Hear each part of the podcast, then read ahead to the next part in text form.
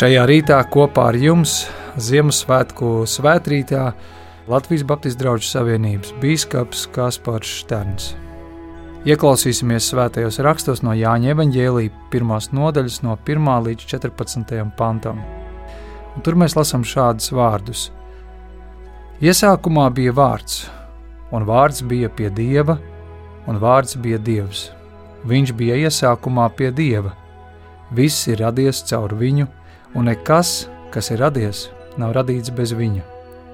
Viņā bija dzīvība, un dzīvība bija cilvēku gaisma. Gaisma spīd tumsā, un tumsa to nespēja satvert.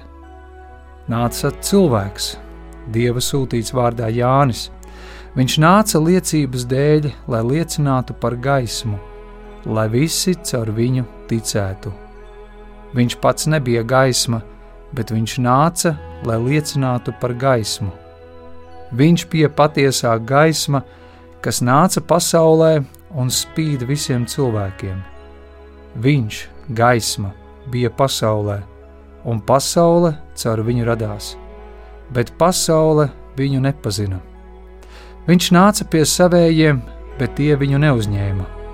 Tiem, kuri viņu uzņēma, kas ticēja viņa vārdā, viņš ļāva kļūt par dieva bērniem, kas nav no asinīm, nec no miesas iegribas, ne pēc cilvēku iegribas, bet ir dzimuši no dieva. Un vārds tapa miesa un mājoja mūsu vidū, un mēs skatījām viņa godību, tādu godību, kā tēva vienpiedzimušajam dēlam, pilnu žēlastības un patiesības.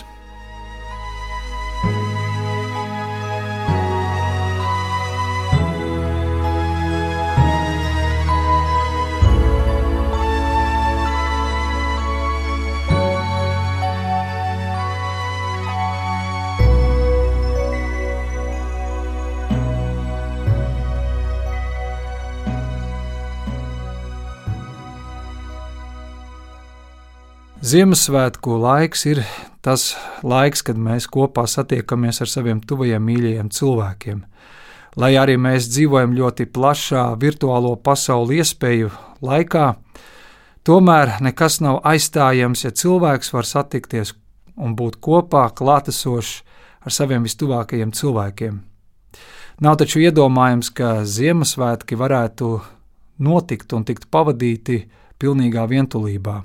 Lai gan nesen dzirdēju tādu pētījumu, ka šajā pasaulē šogad aptuveni 60% cilvēku pavadīs Ziemassvētkus vieni paši, esot vientuļi. Un tas ir ļoti satraucošs skaitlis, jo mēs taču saprotam, ka tā tam nevajadzētu būt. Daudz svarīgāk par visām dāvanām un par gardo maltīti ir taču kopīgi pavadītais laiks. Ziemassvētki ir laiks, kad mēs varam stiprināt un veidot attiecības, būt kopā, būt klātesoši. Taču Ziemassvētki nav tikai par to, ka mēs varam būt kopā ar saviem mīļajiem, bet daudz svarīgāk, ka Dievs vēlas būt ne tikai attālināti, bet arī Dievs vēlas būt klātesošs kopā ar mums. Mēs evanģēlijā varējām lasīt šos vārdus. Iesākumā bija vārds, un vārds bija pie dieva, un vārds bija dievs. Kas ir vārds? Mēs to varētu dažādi izprast. Vārds tā ir izteikta skaņa, gaisa vibrācija. Vārds un vārdi var nenozīmēt neko, un tajā pašā laikā vārdi var nozīmēt tik daudz. Reizēm kāds kaut ko pasaka, bet otrs cilvēks pat neatceras bet tad ir vārdi, kas tiek pateikti, un tie atstāja tik lielu ietekmi uz otru cilvēku dzīvi, ka tas pilnībā viņu izmaina. Arī vārds Dievs un arī viņa sacītais vārds var kādam nenozīmēt neko, bet kādam tas var nozīmēt pilnīgi visu. Piemēram, ja mēs jautātu cilvēkiem, kas ir Dievs, mēs noteikti saņemtu visdažādākās atbildes. Kādi teiktu, Dievs tas ir kāds augstāks spēks, apziņa, tas ir radītājs. Kādi to teikt daudz personīgāk, ka Dievs ir viņu debesu tēvs. Un kādiem Dievs būtu kā tāds vīriņš ar bārdu, kurš sēž uz mākoņa maliņa un novēro mūsu cilvēkus. Un būtu arī tādi, kas teiktu, es nezinu. Kādi to pateiktu tādā pilnīgā vienaldzībā, un kādi iespējams to pateikt aiz tādas dziļas pazemības un cieņas, sakot, ka Dievs tas ir kā liels noslēpums, ko mēs cenšamies atšķetināt visas dzīves laikā. Iesākumā bija vārds. Lai iepazītu Dievu, ir jāiepazīst vārds. Tas sākās ar to, ka tu pieņem patiesību, ka ir kaut kas lielāks par to realitāti, ko tu redzi un piedzīvo. Kādiem tas pat nozīmē laust viņu priekšstatus un stereotipus par dievu, bet kādiem tas nozīmē uzdrīkstēties un pieņemt, ka ir kaut kas augstāks, ka ir kāds atskaites punkts šajā pasaulē, no kā viss sācies un caur ko viss turpināsies. Ka es neesmu visa centrā, bet ka ir kāds, kas ir bijis pirms manis un būs pēc manis. Vārds maina pilnīgi visu nozīmi kad mēs iepazīstam to, kas nes sevī šo vārdu. Jo nav iespējams iepazīt Dievu bez vārda. Tas ir mūsu attiecību sākums ar Dievu. Un tad tālāk mēs varam evanģēlijā lasīt, vārds tapa miesa un mājoja mūsu vidū. Mēs varam censties aprakstīt vai paskaidrot Dievu ar visām mūsu ierobežotām vārdu krājuma izvēlēm, un joprojām mēs apzināmies, ka nav iespējams aprakstīt pilnībā Dievu ar tiem vārdiem, kas mums ir doti. Šis daudziem neizskaidrojamais vārds ienāk pasaulē un patiesībā pats sevi atklāja. Dievs ienāca pasaulē, lai sevi darītu zināmu. Redziet, ir garīgā pasaule un ir laicīgā pasaule. Betlēmē šīs abas pasaules satikās, un šī satikšanās vieta, šis satikšanās punkts bija silīta, mazais bērniņš. Dievs ienāca šajā pasaulē kā Jēzus, lai kļūtu kā viens no mums, bet nevis lai tikai viņu apbrīnotu, bet lai mēs viņu iepazītu arī tuvāk. Lai mēs salauztu visus tos mūsu nepareizos stereotipus par Dievu, lai izbeigtos visas šaubas par Dievu, lai izbeigtos visi maldi par Dievu. Vārds, kas mājoja mūsu vidū. Tulkojumā mēs to varētu arī salīdzināt ar citu vārdu, kas daudz kur Bībelē tiek lietots. Šis vārds ir tabernākls jeb sajiešanas telts. Tā bija vieta, kur dieva ļaudis pulcējās, lai pienestu pateicības un grēka nožēlus upuri. Tā bija simboliska vieta, tā bija kā satikšanās vieta ar Dievu. Un Jēzus, kā Dievs, ienāca šajā pasaulē, un šī satikšanās vieta sākās Betlēmē.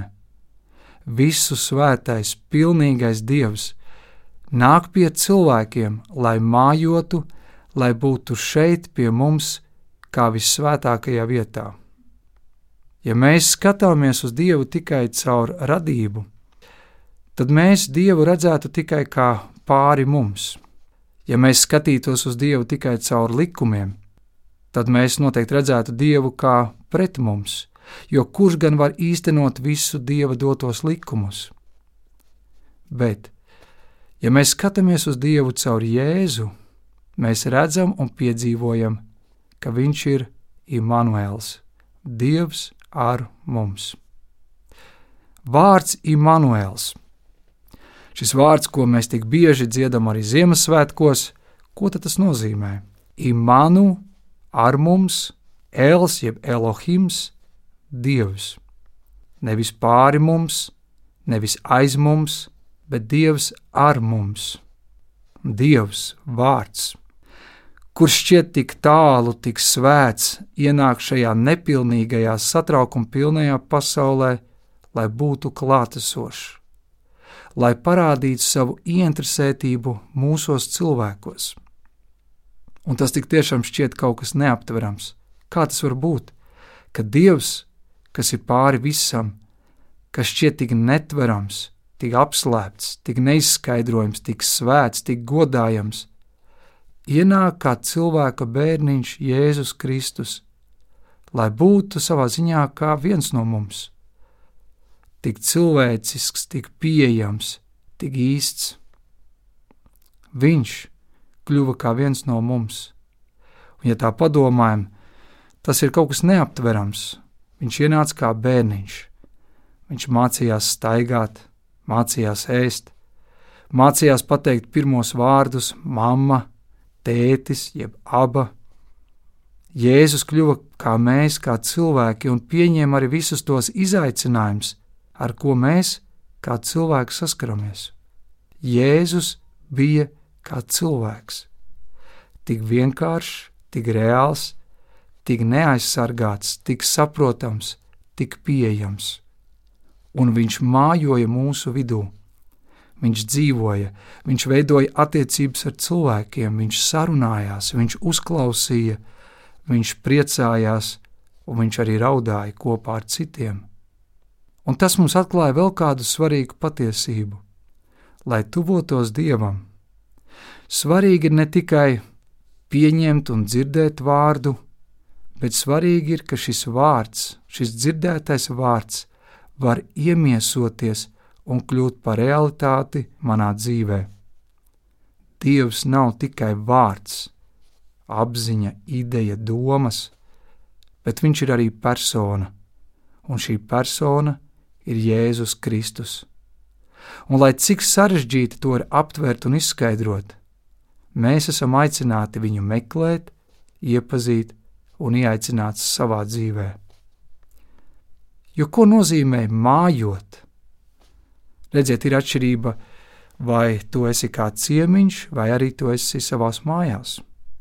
Nu, parasti, kad pie mums nāk ciemiņi, mēs taču cenšamies sakārtot mūsu māju, saklāt skaisti galdu un parādīt sevi un savu namu no tās labākās puses bet nevienmēr tas atspoguļo to realitāti, kāda ir mana ikdiena. Savukārt, ja es esmu savās mājās, lai arī es cenšos savu māju uzturēt labā kārtībā, un es pieļauju, ka kāda no jums klausītāji, jūsu māja tiešām ir sterila tīra, tomēr mājas ir mājas. Mājās mēs gribam justies brīvi, un, teiksim, manā ģimenē mums ir divgadīgs dēls, un ir jāsaka, tas ir ļoti interesants vecums, jo viņam patīk atklāt visu, visu, kas atrodas mājās, un reizēm mūsu māja spēja būt kārtībā tikai uz piecām minūtēm. Bet tās mājas, ko tas mums nozīmē? Ka es uzņemos arī atbildību par to vietu, kurā es dzīvoju. Un savā ziņā arī Dievs nevēlas būt tikai kā tāds viesis, jeb ciemiņš mūsu dzīvē, kurš ierodās varbūt tikai reizi gadā Ziemassvētkos, un tādā visu atlikušo gadu mēs par viņu varam aizmirst. Dievs nevēlas būt kā svešinieks, kura priekšā viss ir perfekti tīrs, sterils, sakārtots, lai gan ir labi, ka mēs Dievam varam dot to pašu labāko. Bet Dievs ienāca šajā pasaulē, un kas ir zīmīgi, pat diezgan necilos apstākļos, un varbūt tieši ar to Dievs vēlas parādīt mums, ka viņš nav nācis pie taisnajiem un perfektajiem, jo kurš gan mēs tādi esam, bet viņš ir nācis pie ikviena, lai kādi mēs arī būtu. Vārds ienāca šajā pasaulē un mājoja mūsu vidū, lai būtu ar tevi gan tad, kad tu piedzīvo priekus, gan arī tad, kad tu piedzīvo sāpes, gan tad, kad tu esi noguris, gan tad, kad tev ir šaubas, gan tad, kad tu esi pakritis un izmisis. Dievs ienāca tavā pasaulē gan uzvarās, gan sakāvēs. Dievs vēlas mājot tavā dzīvē. Viņš vēlas piedalīties tavā dzīvē, tādā dzīvē, kāda tā ir. Nevis no ārpuses sterili perfektajā dzīvē, bet Dievs vēlas ienākt un mājot mūsu katra sirdī un domās, lai kādas tās arī būtu. Un Ziemassvētku vēsts mums dod cerību, ka Dievs pat klusumā ir blakus mums. Mēs varam sajusties attālināti no Dieva, mēs pat varam censties viņu ignorēt, bet Dieva apsolījums ir tāds, ka nekas mūs nespēs attālināt no Dieva klātbūtnes. Un tad mēs lasām evanģēlijā, un mēs redzējam tēva godību, pilnu žēlastības un patiesības. Dievs ienāca šajā pasaulē, lai satiktos ar tevi, lai tu savā dzīvē varētu piedzīvot Dieva godību, to, cik Dievs ir svēts, pilnīgs un tajā pašā laikā, cik Viņš ir mīlestības pilns. Ieaicinot Dievu caur Jēzu Kristu savā dzīvē, mēs sākam aptvert to, kāda mēs patiesībā esam. Lai mēs kā cilvēki mainītos, ir taču ļoti svarīgi, ka mēs atzīstam un pieņemam patiesību. Jā, reizēm to ir grūti izdarīt, bet dzīvot noliegumā vai melos, tas mūs tikai iznīcinās. Jo meli noved pie destrukcijas, pie salauztām attiecībām, pie sevis iznīcināšanas, pie grēka. Jo, ja mēs tā dziļāk padomātu, tad aiz katra grēka slēpjas kādi meli. Meli par sevi, par citiem, par Dievu. Taču Dievs ienāca pasaulē, lai mums atklātu patiesību. Tā ir patiesība, kas mums ir dota, lai mēs sevi neiznīcinātu, lai mēs nebūtu apjukuši, lai mēs nenovirzītos no tā ceļa, ko Dievs mums ir parādījis. Un tajā pašā laikā tā ir patiesība, kas mums atklāja to, ka mēs visi esam grēkojuši, pilnīgi visi. Dievs caur Jēzu Kristu mums atklāja ne tikai patiesību, bet Viņš mums ļauj arī piedzīvot žēlastību. Kas ir žēlastība? Tā ir nepelnīta mīlestības saņemšana. Jēzus ienāca šajā pasaulē, lai nevis tevi atstātu ar to realitāti, kas tu esi, bet lai atzīstot realitāti par sevi, tu varētu piedzīvot patiesu atbrīvošanu un piedošanu. Tā nav piedošana, kas tiek pateikta tikai ar vārdiem: Es tev piedodu, bet tā ir piedošana, kur vārdi kļūst par realitāti. Jēzus ne tikai ar vārdiem saka, es tevi mīlu, bet viņš iemiesoja šos vārdus, padarot tos par realitāti. Viņš tik ļoti mīl cilvēkus, ka ziedoja sevi visu, ļāva sevi piesist pie krusta un sacīja šos vārdus: Tēvs piedod tiem, jo tie nezina, ko tie dara. Viņš kļuva par upuri, lai tu pārstātu dzīvot kā upuris, vainojot sevi vai citus. Tāpēc Jēzus kā Dievs ienāca pasaulē, lai nevis būtu distancēts un attālināts un dotu mums kaut kādus norādījumus tur augšā no debesīm, bet viņš nāca, lai būtu attiecībās ar mums.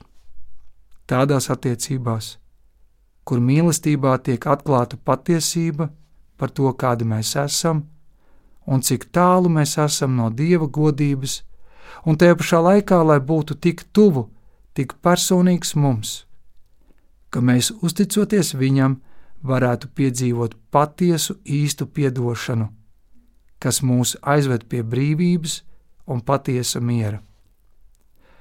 To nav iespējams piedzīvot attālināti, tā vienkārši garām paējot. To mēs nevaram piedzīvot tikai klausoties vārdos. To varam piedzīvot tad, ja patiesi viņu meklējam, ja ieaicinām viņu savā dzīvē un uzticamies viņam. Tāda dziniece Ruta Iklāva reiz teica tādus vārdus: apstājies cilvēku uz brīdi skrējienā savā un ieklausies dziļāk un labāk. Dieva brīnumi runā. Kas ir Dievs? Kas ir šis vārds? Vai manai dzīvei ir kāda lielāka jēga un misija? Varbūt arī tu ar šiem jautājumiem esi sevi nodarbinājis. Tad nu es aicinu, apstājies, ieklausies dziļāk, un tu pamanīsi, ka patiesībā Dievs ir daudz tuvāk nekā tu domā. Un tad, uzdodot sev šos lielos jautājumus, lai mūsu sākuma punkts ir Betlēme Tur ir visa dieva pilnība, visa dieva atklāsme. sadzirdi šo patiesību, pieņem šo patiesību un uzticies šai patiesībai. Ļauj kļūt tai par īstenību tavā dzīvē. Lai Dievs jūs svētī un jums palīdz uz to. Āmen!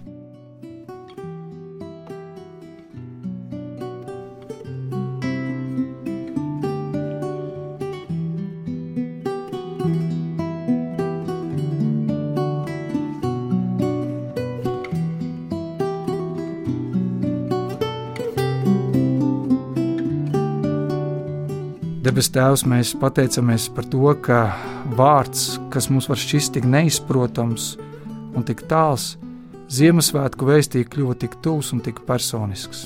Tu ienāc šajā pasaulē, lai atklātu sevi, un es lūdzu, ka arī šajā Ziemassvētku laikā tu vari turpināt sevi atklāt. Dod mums atvērtas sirdis, dod mums ilgas, ka mēs varam tevi meklēt, tevi iepazīt, tevi piedzīvot. Es lūdzu par tiem, kas šajā brīdī dzīvē jūtās satraukti, nemiera pilni, bailes, raizes, nedrošība, kur šķiet, ka tu Dievs esi tālu, kur tu esi tikai kā vārds, kā nosaukums, kā ideja. Es lūdzu par šiem cilvēkiem, ka arī viņi var piedzīvot, ka tu esi līdzās, tuvu blakus viņiem, lai vārds var kļūt kā miesa, kā realitāte, kā īstenība viņu dzīvēm dod savu mieru. Un Dievs, mēs lūdzam, palīdz, ka mēs nebaidamies no tās patiesības, ko Tu vēlēs mums atklāt.